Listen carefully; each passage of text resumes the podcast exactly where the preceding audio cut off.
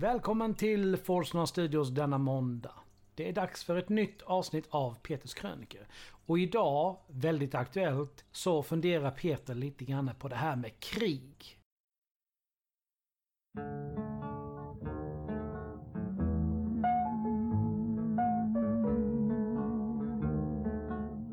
Ända sedan tidernas begynnelse så har människor hittat något att slåss för eller emot.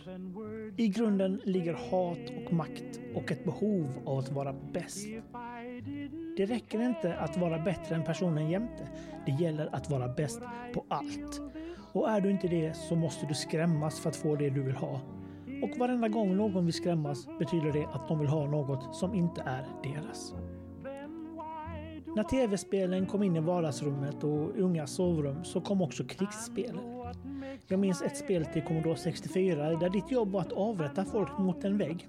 Arkebusering helt enkelt. Eller skjuta människor som sprang över ett fält. När banan var klar så fick man alltid riktigt härliga grattismeddelanden som till exempel “Those were Saddams children”. Charmigt. När Interplay introducerade spelvärlden till Fallout 1997 så kom också den klassiska frasen “War”. War never changes. Och det ligger något så fundamentalt äkta i det påståendet. Att krig förändras aldrig. Det är alltid hat och makt som ligger bakom. Något som inte heller ändras är hur tv-spelsbranschen år efter år drar in stora pengar på att sälja krig till barn och ungdomar. DICE betalade till och med royalties till vapenindustrin för att få använda riktiga vapen i sina spel. För makt är allt. Och det kanske inte är så konstigt att efterfrågan på krig är så stort när till och med spelindustrin ser det som ett nöjesfält och ett sätt att casha in pengar. För DICE och 2020 till exempel så låg den siffran på 5,96 miljarder dollar i bokningar för Battlefield. Tänk på den siffran lite. 5,96 miljarder dollar. Det är ungefär 58 miljarder svenska kronor. Den svenska försvarsbudgeten i år är 76 miljarder, så DICE kan ju på egen hand sponsra den svenska försvarsmakten för att de ska kunna sälja spel som går ut på krig. Men intresset är stort och insatserna är större för varje år ett nytt Battlefield eller Call of Duty presenteras. Och det är väl bara en tidsfråga innan EA går in och ska göra ett spel om Rysslands invasion av Ukraina. För oavsett vad som händer i världen och oavsett hur jävla fel allt som har med krig att göra är, så vinner spelindustrin i slutändan. Och vilka är det som förlorar då? Det är människor som flyr. De människor som ser sina föräldrar och barn dö. De människor som jobbar på barnsjukhus som bombas till grunden.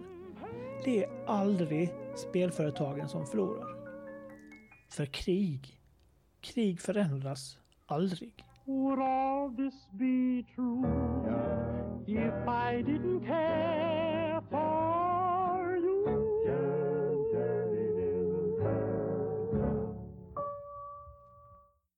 Tack för att du lyssnat på dagens avsnitt. Musiken är gjord av Imaginary Stars Production. Följ oss gärna på sociala medier. Vi finns på Facebook, Force Noir Studios, Twitter, at Studios Noir, Instagram, Force Studios och där skrivet som ett ord. Vi skulle uppskatta om ni gillar våra inlägg på Facebook, Twitter och Instagram då det hjälper att motivera oss i det vi gör. Vi har även en mail där ni kan nå oss forsnorastudios at gmail.com. Även där Forsnora Studios skrivet som ett ord. Ta hand om er så hörs vi snart igen. Stay tuned!